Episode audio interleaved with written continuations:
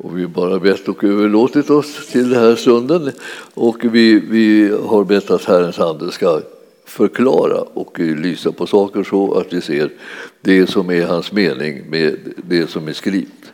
Så eh, ska vi gå till eh, eh Apostlagärningarna eh, och titta där från första kapitlet. Eh, det här är, det är så att vi vi har kommit in liksom och börjat nalkas just det som är en av de stora högtiderna i den kristna församlingens eh, säga, historia, och det är pingst. Och, eh, och, innan pingst så har ju Jesus eh, blivit upptagen till himlen.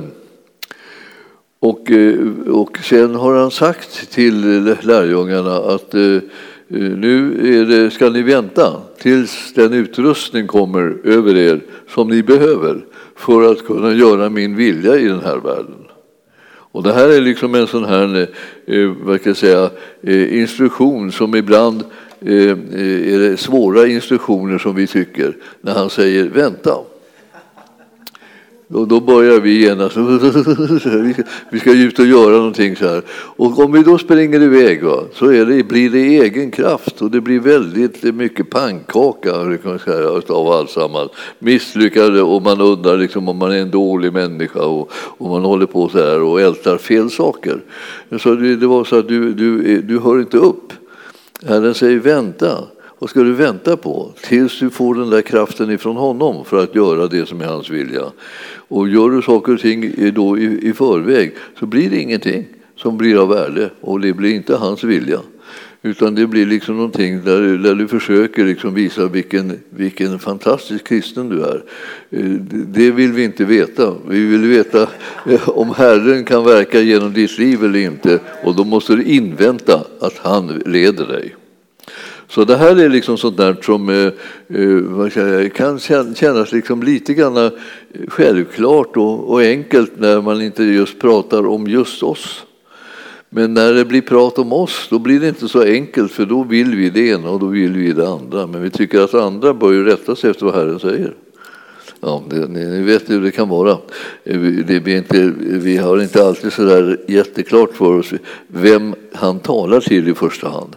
När han talar till dig och du hör han talar, då talar han till dig. Och du behöver inte liksom börja dela ut uppgifter till andra och tänka eller väga andra eller döma andra, liksom pröva dem. Utan du kan bara helt enkelt säga så här, ja, ja herre, jag ska göra som du säger. Och det, det här är nyttigt. Det här, I Apostlagärningarna 1 då, då, så är det något, någonting här som, som eh, det dröjde alltså.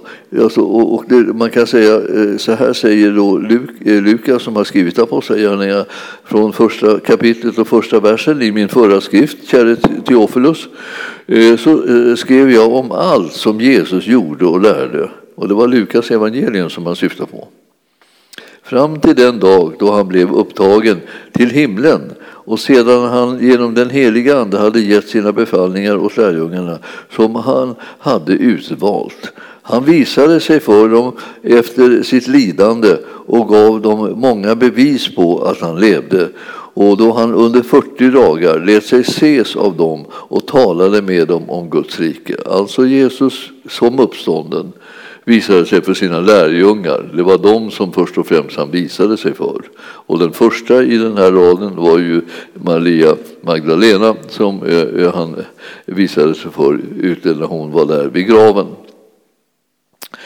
Eh, så att vid en måltid tillsammans med apostlarna så befallde han dem Lämna inte Jerusalem utan vänta på vad Fadern har utlovat, det som ni har hört av mig. Alltså det här var nu inträdde liksom själva väntan.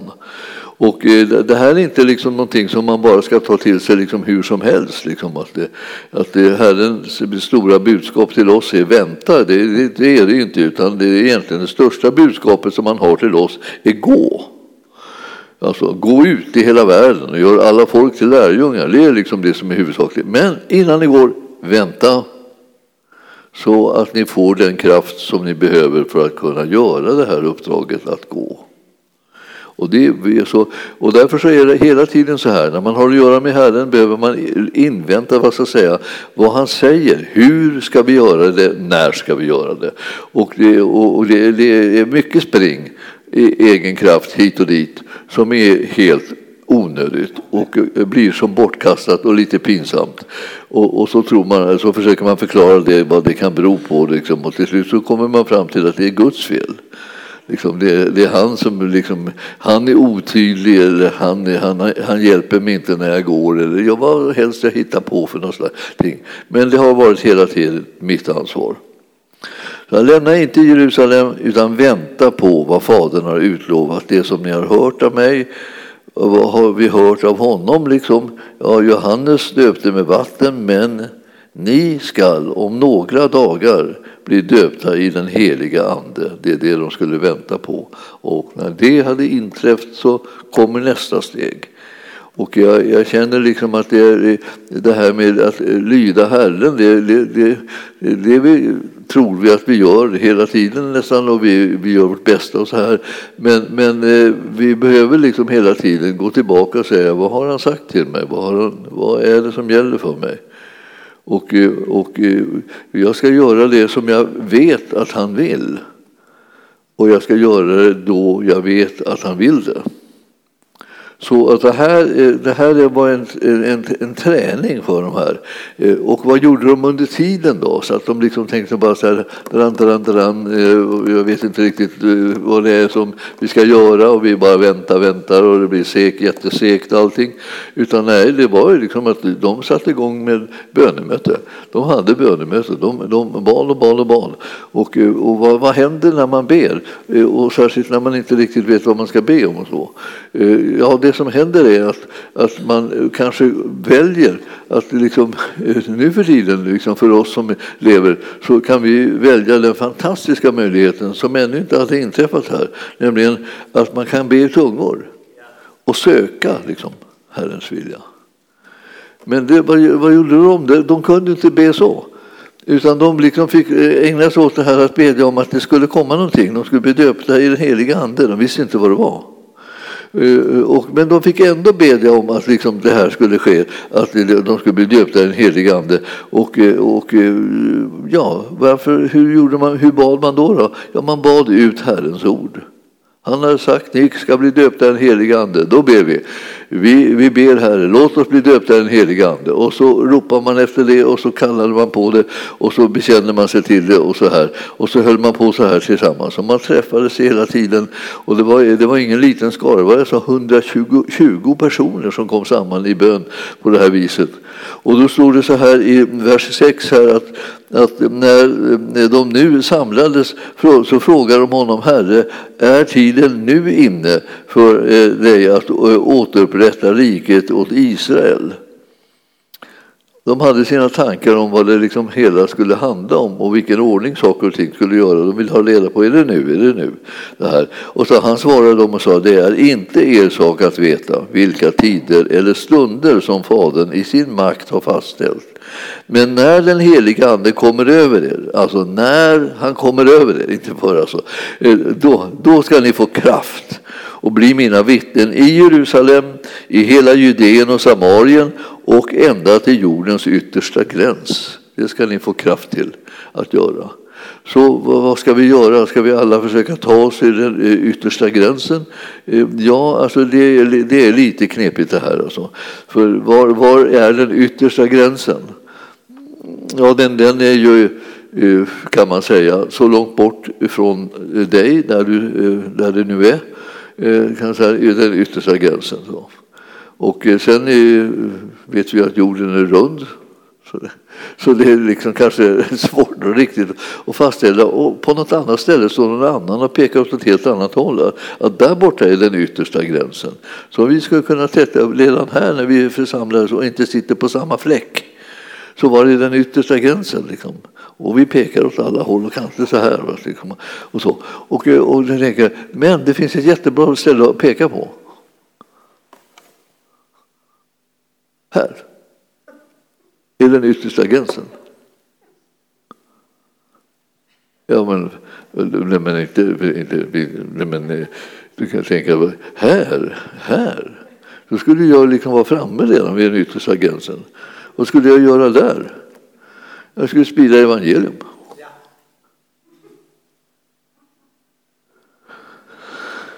Varför skulle jag just välja att den yttersta gränsen skulle vara så långt borta från mig som möjligt?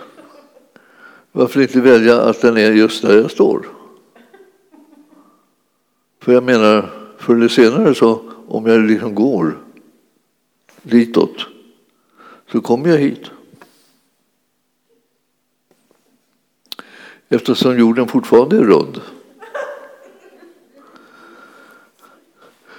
Så, så, så det, det, blir trassligt när man hela tiden alla ska sikta liksom, vart vill han ha, var vill han att jag ska vara, var vill han att jag ska vara? Eh, var är du? är frågan. Jättebra. Alltså, om man ska sprida evangelium är väldigt knepigt, många knepiga saker som kan hända. Och jag har ju missionssläkt alltså. Och de eh, åkte ut till Kina. När de var i tonåren, så slutet av tonåren, precis som några var lite, lite sagt över 20, åkte de till Kina. Ja, de visste ingenting om Kina. De kunde absolut inte språket. De visste ingenting om kulturen. Ja, de visste ingenting, men det var de hade hört det. De, att de inte hade hört talas om Jesus i Kina. Då. Vi måste sprida evangelium i Kina. Då åkte de dit och var där hela livet och försökte lära sig alltså att tala kinesiska. Han hade inte kommit på ännu att man kunde ha tolkar. Utan man skulle liksom lära sig språket, var och en skulle lära sig språket. Och de var inte några språkgenin, många av de här missionärerna. Så att säga. De var ju ungdomar som de var ju, de var knappt utbildade. Skolgången var kanske eventuellt, kanske det var några år alltså, som man gick i skolan. När man skulle, liksom, skulle åka ut på 1880-talet åkte de ut. Så ni förstår att det, det var liksom eh, en ganska tidsödande sak innan man kunde kommunicera med liksom folket och eh, liksom kunde säga liksom att, och berätta om Jesus, vem han var, så att de förstod vad det var man pratade om. Eh, så småningom så kom man ju på det här att man kunde ju ha en tolk med sig. Och så kunde man tala till det, men det var långt senare som man kom på det. Utan alla, alla hade målsättningen åk ut till ett främmande land, försök få kontakt med folket, försök att lära sig språket och sen så småningom predika evangelium för dem. Det var en väldigt lång väg och en väldigt trasslig väg och det var en väg som man kan känna i några, några stycken inte riktigt var informerad utifrån Herren. Han kunde ha gett dem tipset om hur de skulle lösa det här. Eh, men det var en tradition att det skulle göras på det sättet. Sen kunde man ju säga det att det, till och med när missionärsbarnen föddes och kom till, kom till Sverige första gångerna, då hade de vuxit upp i Kina. Då hade de lärt sig språket, då visste de kulturen, då, då, då, då kände de till allting. De kunde kommunicera, de hade vänner, de hade kontakter i Kina och alltihopa så här. Och då eh, ville man inte skicka ut dem ibland för att de inte var liksom, eh, liksom utbildade på rätt sätt och att det inte var det ena och det andra. Ja, men, men de kunde det som behövdes, nämligen kunde tala språket. Och så här. Ja, det, det utnyttjade man mycket begränsad skala. Därför att man hade sina låsta liksom, uppfattningar hur det här skulle göras. Sen kunde man känna av sig att det, man hade liksom slutat att och, och lyssna på Gud. Liksom, Man hade bara sina organisationer, missionsorganisationer var liksom lösta. Min faster som hade bara en arm, hon hade blivit skadad när hon, eh, under ett rövaröverfall i, i Kina. Och eh, hon har blivit slängd de in henne mellan mulåsnorna liksom i vagnarna och det verkar som att någon av de här åsnorna hade trampat på henne när hon var liksom ett litet barn. Då. Så när hon var, var vuxen här och var här i Sverige så plötsligt så började hon få problem med, med höger arm. Alltså. Och så var det något konstigt med den så de började få, eh, amputera den och så amputerade de den mer och mer. Så här. Och till slut hade de amputerat den ända upp till liksom själva eh, liksom armbågen här. Då. Och så fick hon en protes där och så. Och, så. Och då hade de, då, då, så, då skulle man, hon hade sökt för att åka ut i Kina. Och eh, ja, ni kanske har hört mig berätta om det, men hon, alltså hon, eh, hon blev helt chockad liksom när hon fick höra liksom att de vill inte skicka ut en, en, en, en, en som var handikappad. Vad har det med saken att göra? Så, jag kan språket, jag kan kulturen.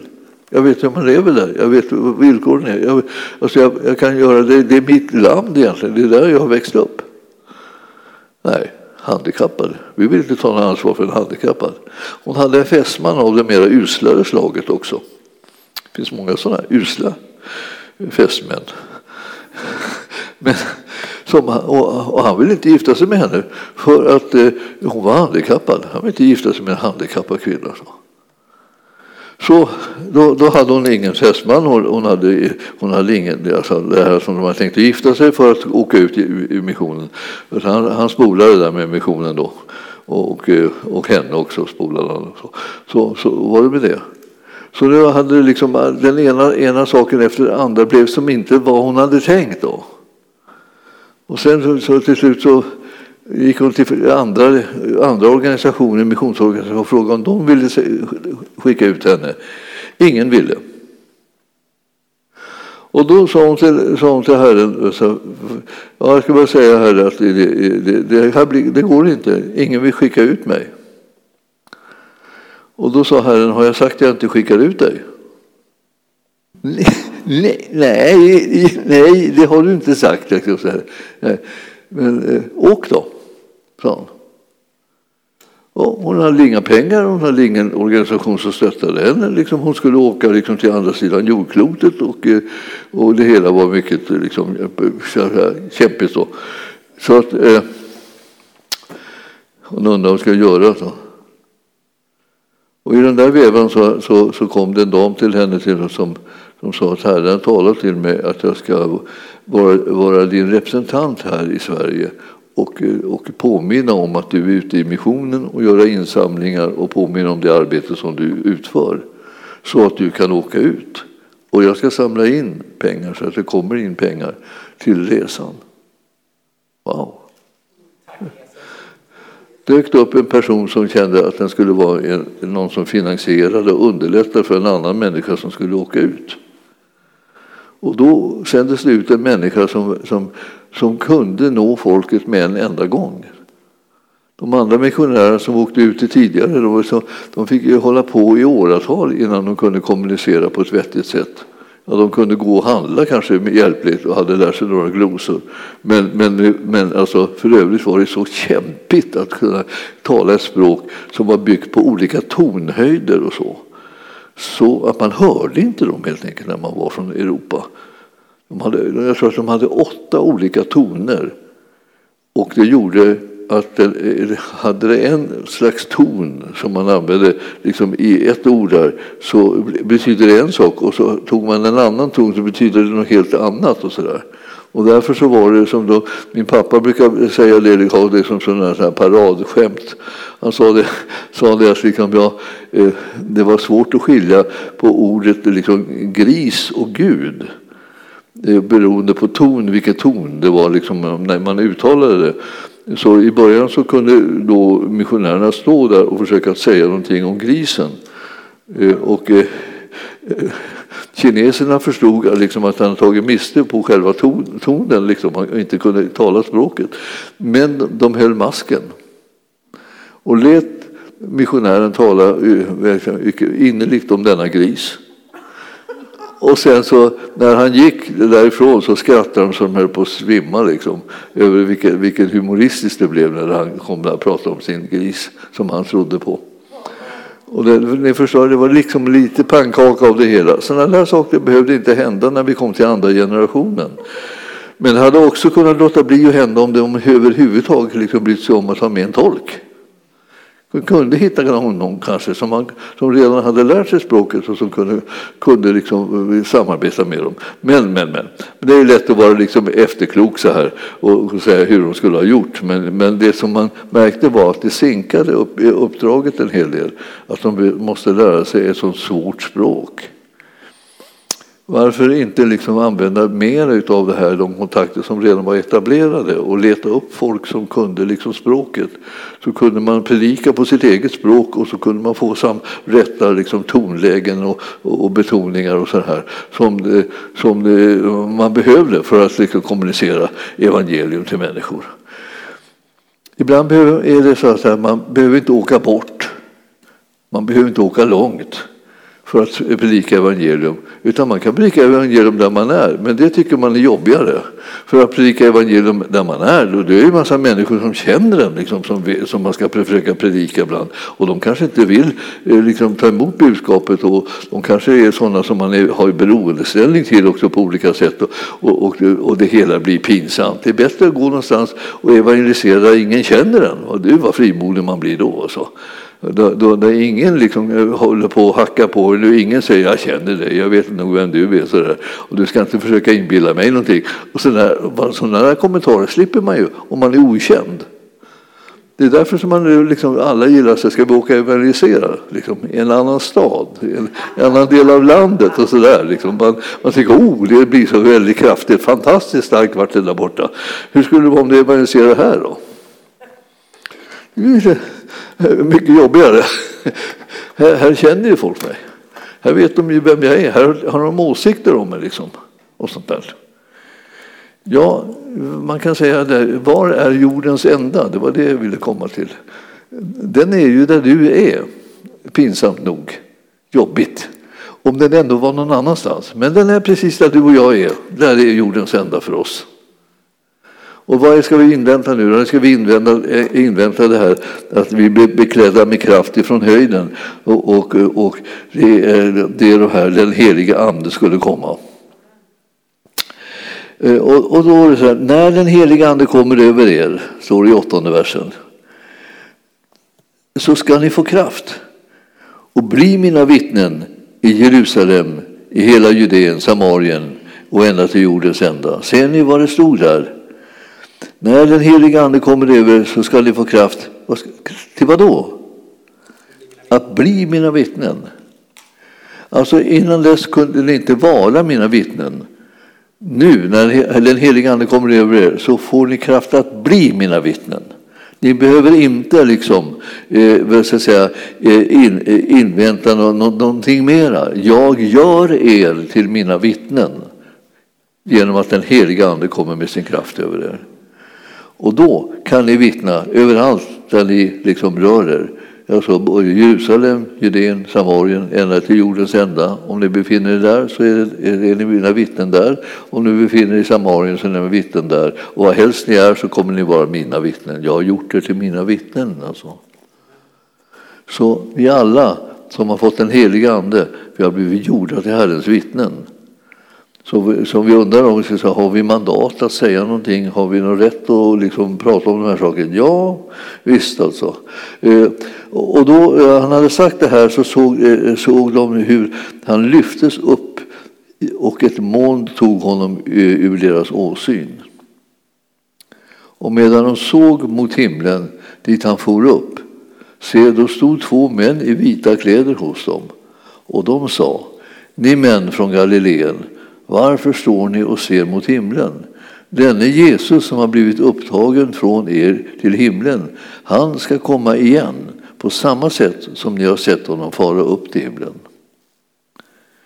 Fick de ett ord där genast, liksom, att Jesus skulle komma tillbaka. Och eh, det hade ingenting, när han åkte därifrån, så att säga, när han lyftes upp, hade ingenting med dem att göra. Liksom det berodde inte på dem att han åkte upp till himlen. Och det kommer inte bero på eh, oss att han kommer tillbaka. Liksom här så. Utan det där bedömer han själv hur, hur det är när den här tiden är då han ska komma tillbaka. Vi ska inte, liksom, det är vissa saker som vi ska låta bli att lägga oss i. Det här bestämmer Gud. Var, om, när, när han togs upp bestämde Gud och när han kommer tillbaka det kommer också Gud bestämma. Och så står det lite om den här gruppen nu då, som, som skulle vänta. Och jag, jag, jag, måste säga det att jag, jag beundrar sådana där eh, liksom, väntangrupper. Liksom, för att det, det är liksom inte så enkelt liksom, att vänta. Och, och en, en, del vet inte att de håller på och får vänta, utan de, liksom, eh, de tror att de ska använda tiden till att knota. Alltså klaga över att det inte blir någonting, att det inte händer någonting. När ska det bli? När ska det hända? När kommer det? När kommer det här och där? Och det är ett väldigt gnäll liksom, kan man säga istället för att tiden ska användas till bön. Och då ser vi det här att apostlarna, eh, kretsen blir fulltalig, står det. Och så då vände, sig, då vände de tillbaka till Jerusalem från, från det berg som kallas Oljeberget och som ligger nära staden en sabbatsväg därifrån. Det var därifrån han blev upptagen. Alltså. Och när de kom eh, dit så gick de upp till ett rum i övre våningen där de brukade uppehålla sig. Eh, och ni, om ni har varit på sådana här resor i Jerusalem och blivit guidade runt så har ni kanske blivit guidade till ett rum i övre våningen. Det är knappast troligt att det var det rummet, men det var kanske ett liknande rum. Och jag kommer ihåg att vi, när vi var där uppe, en, en ganska stor grupp liksom pastorer och ledare av olika slag och, eh, och människor från olika församlingar, då började vi prisa Herren i nya tungor. Och då eh, så det var sån bra akustik också, så det dånade liksom hela, hela rummet. Och eh, ja, då märkte vi genast att alla var inte beredda på liksom andens nedslag, utan en del liksom tyckte att det blev väldigt läbbigt och, och liksom rusade liksom ut ifrån det här rummet. För, för de blev rädda för det som var bara en, en, en, liten, en liten svag repetition eh, liksom av det som hade hänt förut, nämligen att anden föll. Eh, liksom, och, eh, och, och då ifrån det där rummet, eller något liknande rum, kom alla lärjungarna ut liksom, och prisade Gud i nya tungor. Och, så här. och då hörde folk budskapet om hur underbar Gud var, alla på sitt eget tungomål. Och vi står nu inför en, liksom en av de här alltså, största högtiderna som vi har. Vi har jul, inkarnationen, vi, vi, har, vi har påsk, eh, försoningen och så har vi pingst, Andens utgjutelse. Så det här, de där tre punkterna, liksom, precis innan den så, så rycks Jesus upp eh, till himlen, har han gjort färdigt sitt. Och sen när han kommit dit upp så kan, kan han sända ner eh, den heliga Ande eh, som rustar oss för att kunna vara hans vittnen överallt i den här världen. Och det här är liksom sånt här som vi, som vi då och då får påminna oss. För nu finns de här högtiderna alltså, och de är tre. Och det är inte ett helt liksom, eh, kyrkoår. Man har gjort det till kyrkoår liksom på olika sätt i olika gamla kyrkor. Så, och, och då, då man ska predika och tala om bestämda saker. Och så där. Men det finns tre högtider. Och jag skulle vilja säga till er, se till att ni firar dem. Alltså de är faktiskt viktiga. Det är inte så där att det spelar ingen roll om man firar dem eller inte. För sanningen är ju den att, att man, det enda som, man, som finns nästan kvar att fira, som firas liksom i landet, ja, det är jul. Men inte längre av rätt orsak, utan, det, utan man tycker, tycker det är trevligt med julklappar och julpynt och sånt där. Och ljus och sånt gillar vi här i Sverige i alla fall, jättemycket ljus. När, när andra folk från andra nationer kommer hit så tycker de att det var väldigt vad ni håller på att tända ljus överallt och sitter, och sitter med, med små ljus tända och så. Eh, ja, vi, har blivit, vi, har, vi lever i ett stundtals mörkt land och ibland så är det väl liksom mörkt också andligt sett. Eh, och eh, vi, vi behöver ljus.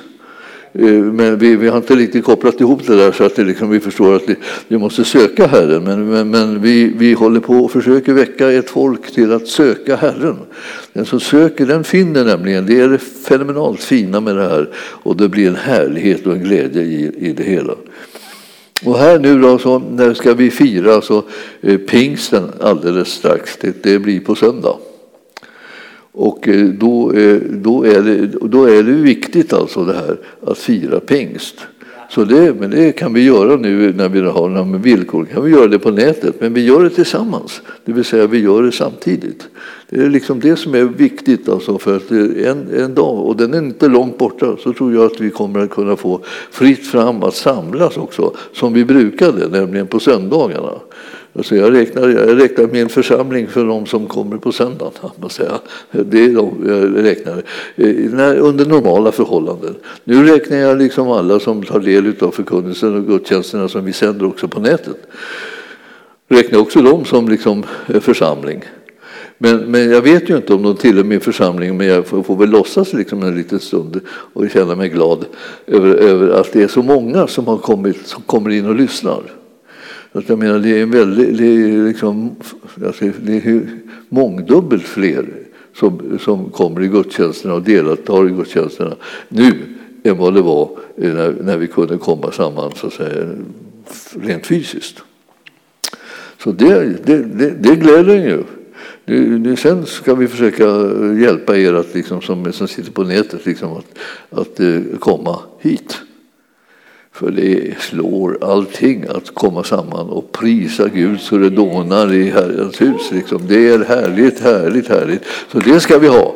Så det ska vi, dit kommer vi. Men, men, men, men jag förstår att det, eh, förbered er. Tänk liksom det här så fort det blir tillåtet va, rusar jag dit och då ska vi ta, samlas hela församlingen. Vi, vi håller på och tänker ut om vi ska ha någon slags fest också över att vi liksom får äntligen komma samman och vara en enhet och se varandra öga mot öga igen. Det, det blir kul, kul och kul och härligt. Nåväl, de samlades de här nu också, de, fastän de liksom inte kunde göra så mycket så samlades de liksom på, ett, på ett sätt till bön. Nu då. Och, då, och det där bönen, och då, då, där var man då, alla de står liksom i 14 versen, de höll endräktigt ut i bön tillsammans med några kvinnor och bland dem Jesu mor Maria och vidare hans bröder som också då hade blivit eh, lite fromma där. De, hade ju varit, de tillhörde ju den där mera sega gruppen så de kom ju väldigt sakteliga till. Va? Och även Maria var liksom lite, lite sådär, gjorde sådana här konstiga saker så att Jesus fick till och med säga att det, jag räknar inte dig längre som min mamma utan det är de jag räknar som min mamma och mina bröder. Det är de som kommer och gör Herrens vilja tillsammans med mig. Och det var ju ett dråpslag för henne. Hon blev som utskämd va, av denna, denna, den här uttalandet. När hon trodde att hon kunde kalla honom och liksom läxa upp honom därför att han, att han skapade oro. Och det var många fariseer som inte gillade vad han gjorde. Och så hon hade ingen uppgift att liksom fostra Jesus längre. Han var redan vuxen.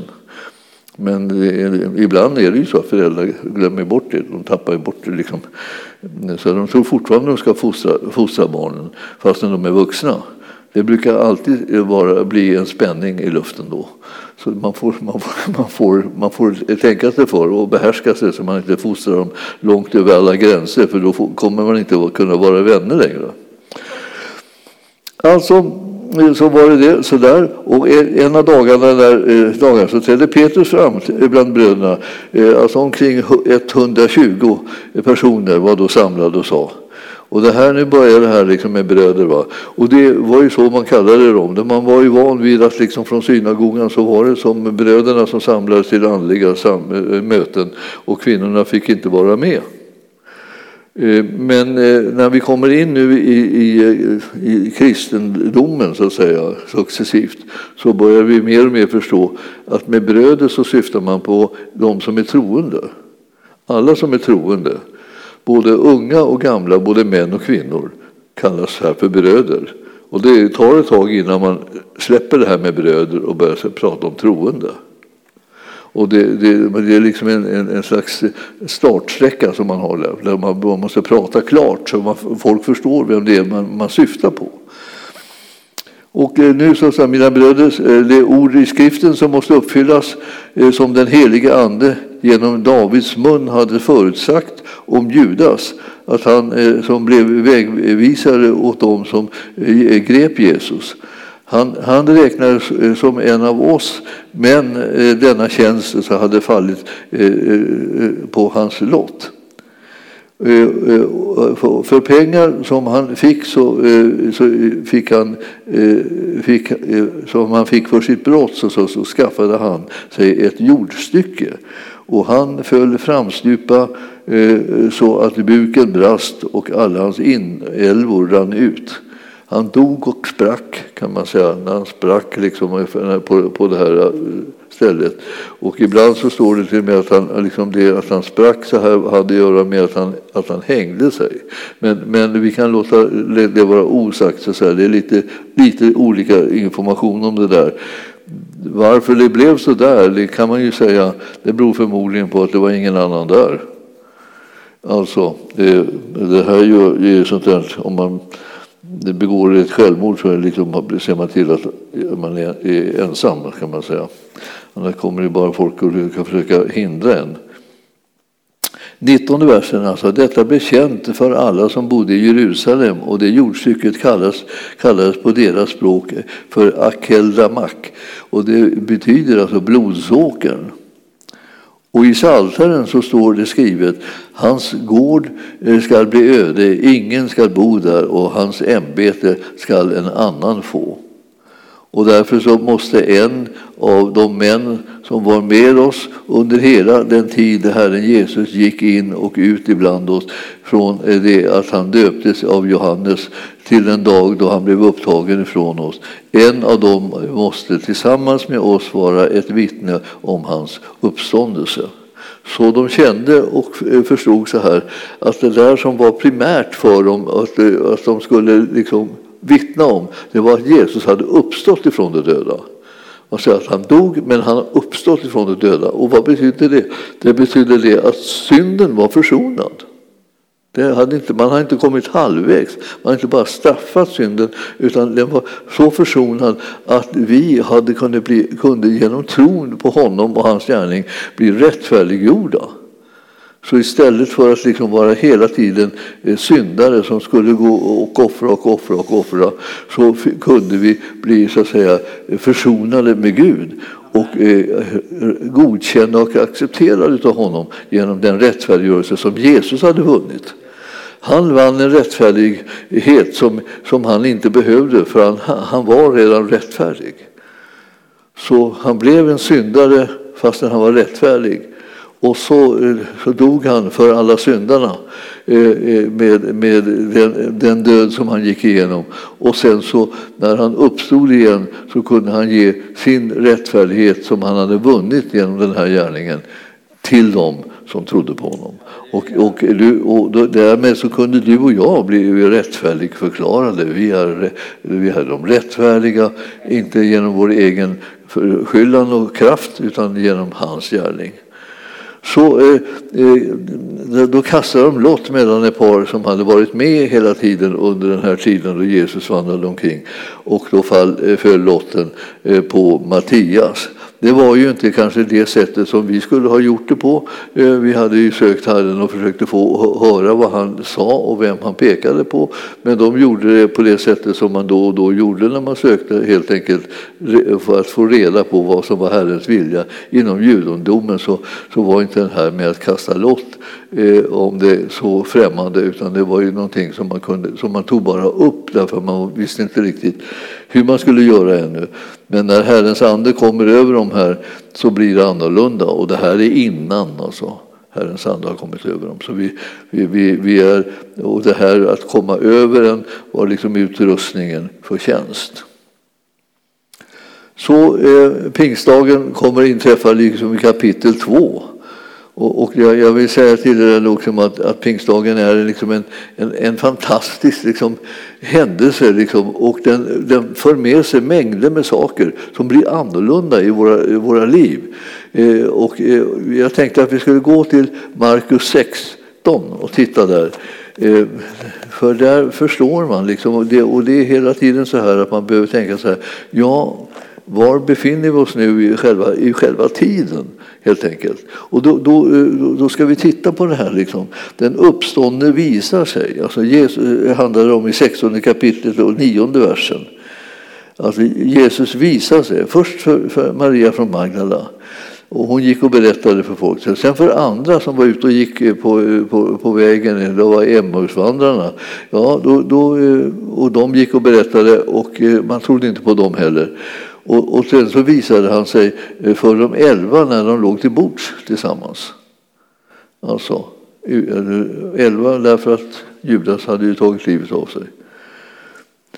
Och de var inte längre, längre tolv och det här var innan de hade valt liksom någon eh, extra eh, person som skulle vara med och vittna om, om Jesu uppståndelse.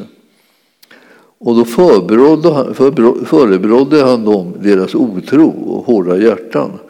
De, hade trott, de skulle ha trott på dem som hade sett honom uppstånden. De talade med dem om det där, att de var så, de var så långt borta från att tro. Och sen ser ni femtonde versen där, i sextonde kapitlet i Markus. Där står det så här. Eh, han, han sa till dem, gå ut i hela världen och predika evangelium för hela skapelsen. Och det här var uppdraget. Och det var det, var det för uppdrag. När skulle de genomföra det uppdraget? Ja, när de har blivit beklädda med kraft från höjden. Det har vi läst via Apostlagärningarna. Men här har vi liksom en liten kortform liksom, av den här liksom, beskrivningen av vad som hände. Och, och, då står det så här, den som tror och blir döpt ska bli frälst, men den som inte tror ska bli dömd. Alltså, eh, det är tron som frälser, inte dopet. Dopet är en yttre bekräftelse på vad som händer eh, när man eh, eh, tar emot Jesus. Man, man tar emot hans död och hans uppståndelse. Det vill säga döden, då man sänks ner i vattnet, under vattnet, så drunknar helt enkelt, man dränks. Och sen så symboliserar det att man blir levande igen när man stiger upp i vattnet. Och det här är liksom det som vi vill säga för världen. För det är liksom ett, på ett sätt så är det så alltid så här att det här budskapet övergår ens förstånd. Alltså man, man, man, man, man eh, när man inte är frälst så, är liksom, så förstår, man, förstår man inte liksom det här ja, och så ska man han dö och varför måste han dö? Och det vet man inte riktigt och så, och så ska han dö och så ska vi liksom Eh, gå omkring och säga och eh, därför att han har dött så har vi dött. Och eh, hur, hur kan det vara möjligt? Nu har vi inte dött. Och, så, och, sen, och sen har han uppstått och, och då har vi uppstått. Ja, men nu får det vara nog, liksom, vi förstår inte vad ni menar, vad gör ni för någonting? Och då för att göra det här liksom lite enklare och lite tydligare så, så, så, så visar vi det liksom i en händelse. Nämligen att man går, ner, man går in ner i vattnet och man går under vattnet för att säga man dör. Men sen så tas man upp ur vattnet och blir levande igen. Och eh, det är det som är själva vår, vår tro är. Att det som hände Jesus, att han dog och han uppstod, det gör han för vår skull. Så vi, det är som om vi har dött när han dog och vi har uppstått när han uppstod. Så eh, förstår vi vad signalen liksom från, med det här med dopet. Och när vi då, döper då, och i synnerhet när vi döper utomhus, så, så är, det på det viset att det talar ganska starkt till folk. Vi brukar ju döpa eh, mycket, har gjort det genom åren nere vid Lillsjön, sommartid alltså.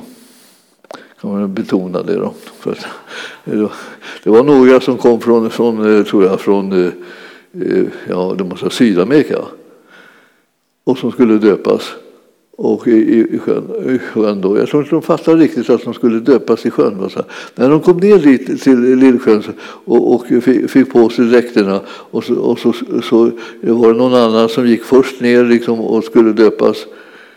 Så sa de, ska vi gå ner i isvattnet? så, så, Ja, men det, det är ganska varmt eh, så här eh, nu i vattnet. Så här.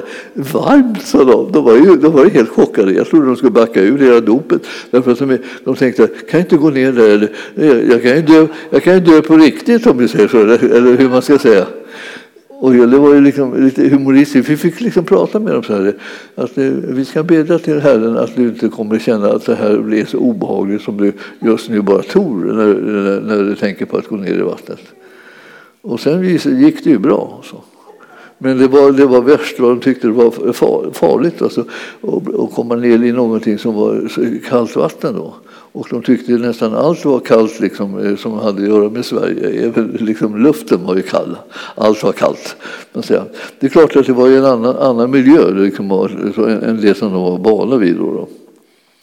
Men här, här är det nu alltså att man behöver, dopet är ett tecken för världen att vi har liksom räknat Jesu död och uppståndelse oss till godo.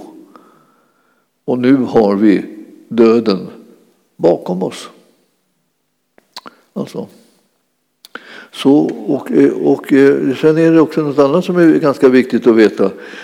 När, när vi har döden bakom oss så har vi också djävulen där bakom oss. Det vill säga så långt bakom oss att han inte når oss. Så att eh, när han står där och, eh, liksom, och vi går ner i, i döden med Jesus, då kommer vi utom räckhåll för honom. För som troende så går vi ner liksom i döden och vi dör. Och eh, vad ska han göra?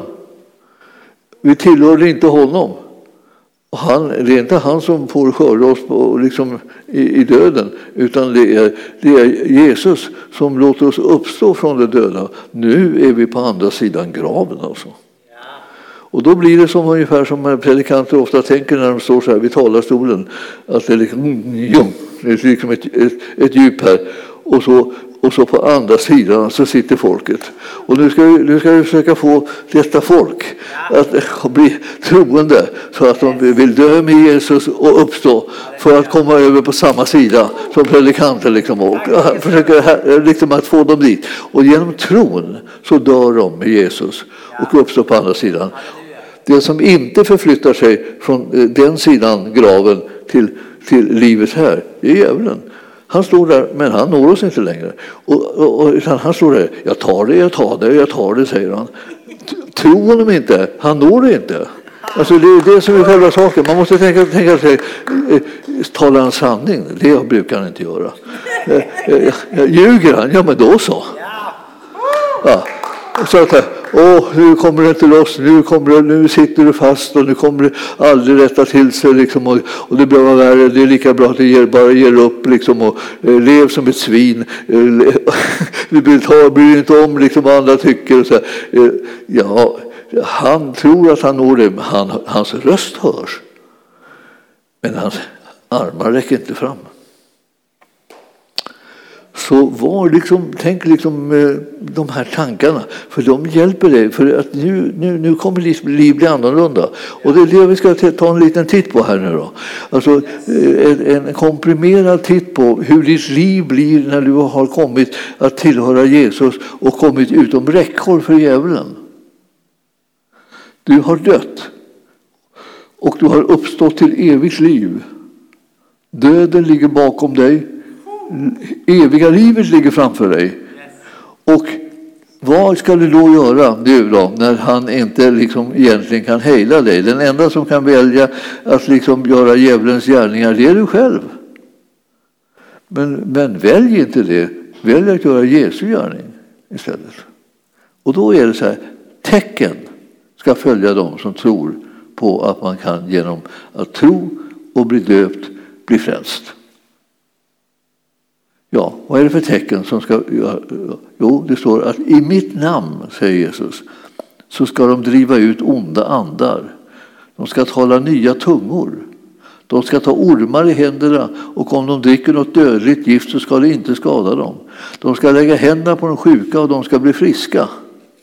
Alltså, här är tecknen som följer då, i det nya livet, uppståndelselivet. Alltså det livet som Herren har gett oss som ett arv, vi som nu tillhör honom. Och det här blir, liksom, blir väldigt annorlunda liksom, kan man säga, och väldigt härligt. Och, så, och sedan Herren hade talat till dem där så blev han upptagen till himlen och han satte sig på eh, Guds höga sida. Och vad gjorde de? De gick ut, predikade överallt där de kom, alltså där de var, eller liksom, liksom eh, de predikade liksom, de höll inte hela tiden på att säga att jag ska någon annanstans. Utan de predikade där de var och Herren verkade tillsammans med dem och bekräftade ordet genom de här tecknen som åtföljde det. Och det är det som du och jag liksom har fått en kallelse att tro på. Att det finns tecken som åtföljde det. Det här övernaturliga, det är inte förbi. Det är ingen hysteri, det är inga överdrifter. Utan det här är liksom någonting som när Herren sänder den och när han talar till den och när tiden är inne och när man är utrustad med den heliga Andes kraft. Då, då är det så att Herren kommer att bekräfta eh, de orden som eh, vi talar ut och de handlingarna som vi gör med sina tecken och under. Nämligen att det blir så som han har sagt. Och därför som vi, som vi mer tro vi får på det här, desto mer kan vi välsigna människorna och hjälpa dem så att det blir som är Herrens vilja kommer att bli verklighet. Jag, jag, Jag, jag, jag kommer att, det finns ju en kamera där, tack och lov. Jag vandrade ut och in. Jag tog med mig en lapp som det stod Stå still, du är i, i du är i, i, i kameran. Liksom. För, för jag klev ut så här ur bilden. Jag såg plötsligt bilden, de hade vänt på den där så jag kunde se. Så klev jag ut och, liksom, och så hörde jag min röst men jag såg mig inte längre. Och så, hjälp vad gör jag här? tänkte jag. Jag måste, ju stå, jag måste ju stå här. Det fanns ju ingen som satt vid kameran utan det var ju bara eh, jag som skulle stå, skulle stå till. Så den lappen, vart tog den vägen då? Ja, den har jag någonstans. Det var en bra lapp, men jag kommer inte ihåg att titta på den jämt. Jag försökte ändå skriva stora bokstäver. Stå still, stå still. Ja, jag, jag, vandrar när jag talar. Det är, det är min normala liksom, beteende. Men här ser ni det som ska vara normalt för en kristen. Alltså hur den ska leva. Den ska göra sådana här gärningar. Tecknen kommer att åtfölja dem som tror på det som Jesus har sagt till dem och gör det som han har bett dem om att göra. Och då ska de i hans namn driva ut onda andar, de ska tala nya tungor, de ska ta ormar i händerna utan att det, skadar dem. Och de, om de dricker dödligt gift så ska inte det heller skada dem. Och de ska lägga händerna på de sjuka och de ska bli friska. Det är, bara, det är normalt beteende för, för en kristen. Liksom. Det är det som vi liksom håller på att försöka vänja oss vid. Eh, det, det är inte bara det att vi går in och sätter oss på en stol och sitter still och tyst och fint och sen går vi därifrån. Eh, det, det är inte hela kristenlivet om vi säger. Det, liksom, det, det låter mer som det var en paus. Och eh, vi, Herren har inte kallat oss till att hålla på med pauser utan han har, han har gått ut i hela världen och gör alla folk till lärjungar. Det var vad som var meningen. Liksom. Och eh, eh, gå då företrädesvis någonstans där du kan språket. Det finns ju en del språk som man har hunnit lära sig när man gick i skolan. Liksom. Man kan undra vad man skulle ha dem till. Liksom. Men, eh, men eh, lite engelska brukar ju kunna passera. Liksom, och så. Och, men man, man, ibland så har man råkat ut för många fler språk liksom, och eh, läst allt möjligt. Då, då. Eh, det kanske blev tyska och det kanske blev franska och det kanske blev spanska och, och så där. Och så småningom så, så är det en massa andra liksom ganska konstifika språk, alltså sådana som ligger liksom långt bortom, som inte är eh, direkt så här, alltså, närkontakt med för jämnan här eh, mellan Sverige och, och, och andra, en del länder. Och om man ska kunna det språket då vill det en särskild överansträngning nästan för att man ska liksom klara sig med det. Men jag kommer ihåg första gången jag upptäckte att jag hade nytta av engelska. Man kan säga, det var sent om sidor. Det var plötsligt när vi hade startat församlingen Arken så kallade vi på en engelsman att han ska komma och tala. Det var, eh, vad hette han? Eh, mm. Det var inte Graham Powell, men det var, det var, det var en, en, en helande tjänst. Liksom. Eh, och eh, engelsmän har ju ett mer komplicerat språk. Alltså. De har liksom lite annorlunda ordval och det är inte, det är inte så helt lätt. Va? Och det var ingen som ville tolka.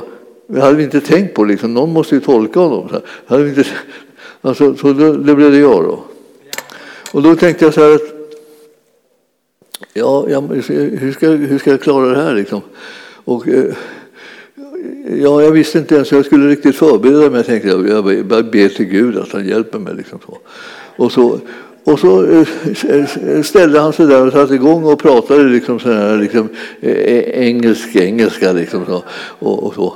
och då när, när jag, och, satt jag, och jag, bara, jag bara talade om vad han sa. Då.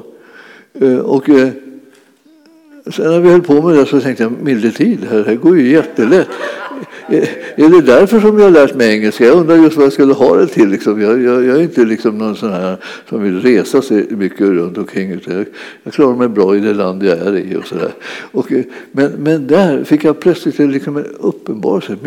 Det här är därför jag har, det här är det som är meningen med det här. Att jag har läst engelska i så många år. Alltså.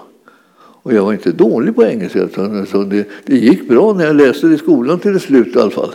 Eh, men, men, men alltså, eh, jag visste inte vad jag skulle ha det till. Och jag har, har ju flera, det finns ju flera språk som ligger liksom och väntar på liksom att de blir utnyttjade.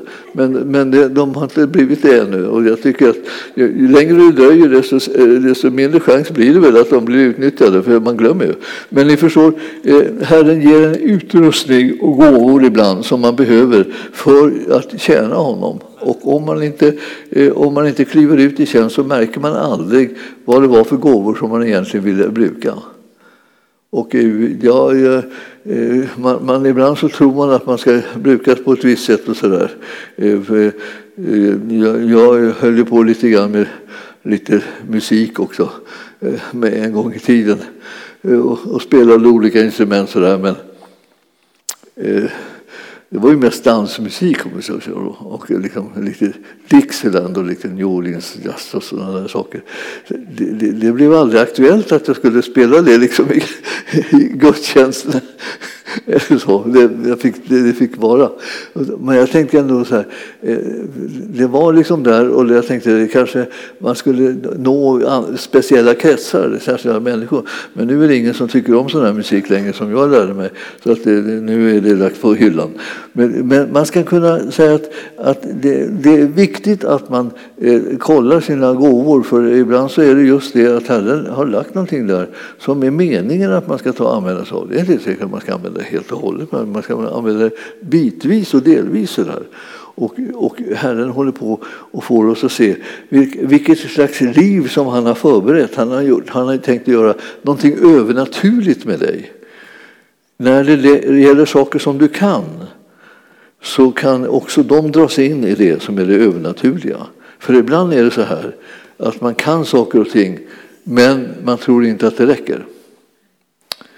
Så därför så, så, så säger man då, då utesluter man plötsligt eh, alltså det här övernaturliga. Man utesluter att Herren skulle kunna göra någonting av det fast du inte trodde det. Eh, om du bara liksom lyssnar på honom och, och gör vad han säger när han väl säger det. Ta det här, gör det där, gör det nu. Och, så, och, då, då tänk, och då, när han säger sådana där saker till då får man se om man hör rätt. För att ibland så hör vi inte liksom vad det är som är Herrens röst och vi skiljer inte på det när, när det är våra egna tankar. Då kan det bli ganska rörigt. Liksom. Och det, blir, det hamnar bara i en massa trassel och konflikter och bök och missförstånd. Och allt med sådana Man vill ju väl, men man kan göra fel. Och det kan man absolut göra också när det gäller andliga. För många liksom inte så, de är inte så tränade på att höra Herrens röst. Och det tar lite tid innan man vet att, liksom, att det här är det och inte det där. Och man måste liksom vara väldigt liksom säga, noggrann så att man inte blir liksom bara överandlig och springer omkring och tror varenda tanke som man får i huvudet, det måste vara Gud. Det, det, är inte Gud, varenda tanke som du får i huvudet. Bara, ibland är det bara någon enstaka tanke. resten är du och, resten är jag. Liksom, vi får, måste akta oss för det där, liksom, att bara ta allting. Så här. Det är som, eh, om, man, om man tycker att man är profetisk så tror man att varenda tanke man får i skallen så, så är det profetiskt budskap till någon. Eh, akta er håller lite på distans. Liksom, låt folk liksom leva i fred liksom, och kom inte och, och kräv att de ska tro på varje infall som du har fått. Liksom. Det, du vill väl, men det blev som inte riktigt rätt. Det tar tid att komma rätt. Och, eh, och eh, nu vill jag säga till er, det här övernaturliga är det, det naturliga i Guds rike. Ändå, alltså. Men det behöver läras. Så det är inte liksom bara på, på ett kick så är, är man är rätt och förstår alltihopa. Utan det är, det är så här, plötsligt så får man någonting där och så märker man att den bekräftelsen som kommer på att det här var rätt, att det var från Herren, det gör att man tänker så där talar han till mig. Och då visar det sig att han talar mycket mer sällan till mig än, än vad jag trodde. Och då får jag liksom ta, försöka dra ner lite på takten med att hålla på och kräva att alla ska tro att det är Gud som har sagt eh, det som jag säger och det som jag tänker. För det kanske inte var det. Men efter ett tag så kommer jag kunna känna mig tryggare och så kommer jag mer rätt med det som, alltså när det är Gud så behöver inte jag stå och kräva att jag, de ska tro att det är Gud. För de märker det själva. Så det, det här att det är Gud, det märker folk som jag talar till. Det är de som bestämmer om de ska ta emot det här som ett gudsord eller om de, de ska, eller om de ska bara låta det vara. Man kan bara säga tack för vänligheten. Jag lägger det här så länge får jag se om det, om det blir någonting med det. Och så lägger man det där och sen låter man, så får det höra av sig om det är någon, är någon kraft i det så att säga. Eller hur? Ja. Och det har jag tillämpat i många, och det har räddat församlingen från många konstiga saker. För jag brukar ta som ett exempel bara, och jag ska avsluta med det. Det var så en dag så sa de att det kommit en man där som är från Australien. Eh, han vill tala med dig. Ja, jag, jag gick ner och, så, och hälsade på honom. Och det var en, det var en, var så att säga, en ganska uh, märkligt klädd man med ett oerhört skägg som stod så här så man nästan kände att han, han, han, att han bara sprakade runt omkring honom och så hade lite vilda ögon och så. Tog han fram ett papper och sa jag har ett budskap. Jaha, så. Läste han upp budskapet och då sa han ta ansvar för din församling. För ner den söder om ekvatorn. För det kommer bli ett atomkrig här i, i, i norra delarna av Europa och du behöver rädda ditt folk. Amen. Har du hört budskapet? Ja, så. Bra. Vända på klacken och gick. Och där stod jag då. Jag hade, min erfarenhet var att jag hade inte flyttat min, min församling som helhet en millimeter. Det var, jag har inte utövat den typen av makt att ni sa, nu flyttar ni församlingsbor någonstans. Jag kunde inte ens flytta, flytta på dem liksom till andra sidan stan. Om jag tänkte efter. Det var ingen som ville bli flyttad. Och inte jag heller. Så, att vi så, så det, var, det, var, det var det. Va? Så att jag bedömde liksom att det här, det här var en överdrift. Killen var lite övertänd på något vis. Eh, och eh, jag förstod att han, han menar väl och han har rest långt och, och allt så här. Och eh, ja, jag var lite beskydd för honom och sedan så lämnade jag det där åt sidan. Och atomkriget uteblev. Och och jag, jag, var tacksam för det, för jag ville inte ha något tecken på att det där var sant. Det hade, det hade, varit, det hade varit väldigt smärtsamt för alla parter här eh, om det hade varit sanning. Men, men alltså, eh, man har rätt att bedöma om man, om man ska ta emot och, och handla på ett ord så här som någon annan säger. Om Gud vill mig någonting så är jag övertygad om att han säger till mig också. Åtminstone också. Först och främst till mig, men sen kanske genom någon annan som kommer att bekräfta det. Men, men inte så här att jag aldrig hört på maken. Jag har aldrig uppfattat någonting av en sån varning. Och då skulle det gälla den församling som jag har ansvar för. Nej, nej, nej. Alltså, sådana där typer av överdrifter tar vi inte emot. Men det finns rätta varningar och det finns sanna sådana här ord, men man känner igen dem. Alltså de slår in på ett sätt som gör att, att man vet jag har inget annat alternativ än att jag måste handla på det här ordet och eh, liksom åtminstone säga ett varningens ord till folk. Att vi har fått det här ordet och du, och du behöver, och i min bedömning så är det så att vi behöver handla på det. Hur vet jag inte. Men var med och sök Herren för vad ska vi ta oss till? För är det här så sant som vi upplever att det känns så, att säga, eh, så är det väldigt viktigt att vi kommer till skott med hur det ska förverkligas, det som är själva räddningsplanen. Men ni förstår att Eh, det här är sådana där dramatiska saker har jag ju aldrig varit med om att de har varit liksom verkliga. Däremot så vet jag ju att en del tycker om att leverera dramatiska budskap. Men det gör de ju inte verkliga. Utan det gör de bara liksom att man vill att något häftigt ska hända. Ja, det vill vi allihopa, men vi börjar med det som står i skriften.